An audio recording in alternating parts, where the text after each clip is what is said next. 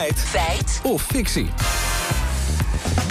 Ja, Lieke, ik zag jou vandaag uh, vacatures bekijken. Want volgens mij moeten we bij de overheid gaan solliciteren. Ik ben betrapt. Ja.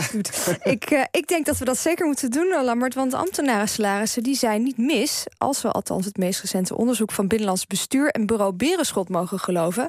Ik heb even een paar opvallende cijfers meegenomen. Ambtenaren zouden gemiddeld 90.000 euro op jaarbasis verdienen. op een 40-urige werkweek. En een beginnend ambtenaar van 21 zou een gemiddeld inkomen hebben van 61.000 euro. En het gaat dus om een rijksambtenaar, maar gemiddeld 90.000 euro Ja, per jaar. Ik kon het niet geloven en jij volgens mij ook niet. Nee.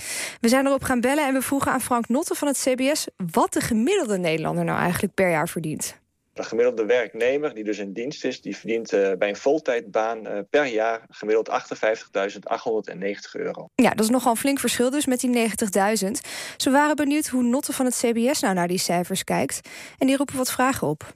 Ze zijn verrassend hoog. Eh, ja, hoe dat precies te verklaren is, weet ik niet. Ik zie wel dat eh, bij Binnenlands Bestuur eh, in dat artikel wordt er een enquête aangehaald hè, die ze hebben gedaan. Dus dan gaat het om zelfrapportage van mensen. Ja, ze geven het zelf aan hè, wat ze verdienen. Kijk, dat hoeft natuurlijk niet helemaal feitelijk correct te zijn. Eh, het kan ook zijn dat gemiddelde mensen die die website lezen ook wat hoger opgeleid zijn of een wat hoger salaris verdienen of wat verder zijn in hun carrière. Ja, dat kan de salarissen dus allemaal wel wat vertekenen. Ja, maar wat verder in je carrière. Een 21-jarige wordt het dus ook gezegd. Die Mhm. verdient 61.000 euro. Hoe zit dat dan? Nou, we vroegen aan arbeidseconoom Ronald Dekker van TNO... hoe waarschijnlijk dat bedrag is. Als je dat terugrekent naar een maandsalaris, kom je op ongeveer 4300 euro uit. Een beginnende beleidsambtenaar, en die start in schaal 10. En de onderste tree in schaal 10 begint bij ruim 3000 euro. Dus dat je gemiddeld voor een 21-jarige op ruim 4300 uitkomt, lijkt mij raar. Mogelijk rekenen ze meer bedragen mee, zegt Dekker... waardoor de salarissen hoger uitvallen. Ja, zoals werkgeverspremies eh, dan bijvoorbeeld. Ja, precies. Dus we vroegen Dick van Leeuwarden van salarisverwerker ADP... of hij dat ook vermoedt.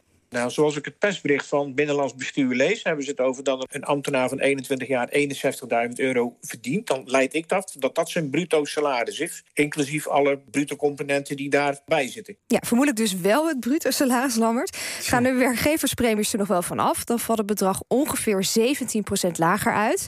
Maar Van Leeuwarden vindt het ook vreemd... dat ze uitgaan van een 40-urige werkweek voor ambtenaren. Terwijl ambtenaren in het algemeen een 36-urige werkweek hebben. Eh, verder valt mij op dat er voor wat betreft het salaris... dat daar wordt gesproken inclusief vakantiegeld... individueel keuzebudget en eventueel eindejaarsuitkering. Terwijl het in de CO-rijk zo geregeld is... dat het vakantiegeld en eindejaarsuitkering... juist omgezet worden in een zogenoemd individueel keuzebudget. Dus dat wordt niet opgestapeld. Oké, nogal wat haken en ogen dus. Ja, en ook arbeidseconoom Dekker heeft wat aan te merken... op de repre- representativiteit.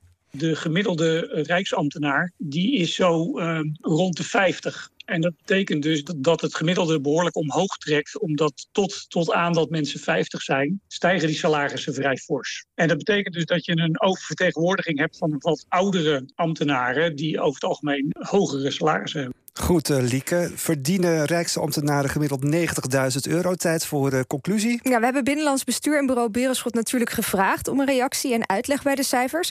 Die konden ze vandaag helaas niet geven. We kunnen zeker zeggen dat ambtenaren nog altijd bovengemiddeld verdienen. En toch hebben we vraagtekens bij deze cijfers... want die lijken wel echt aan de hoge kant te zijn.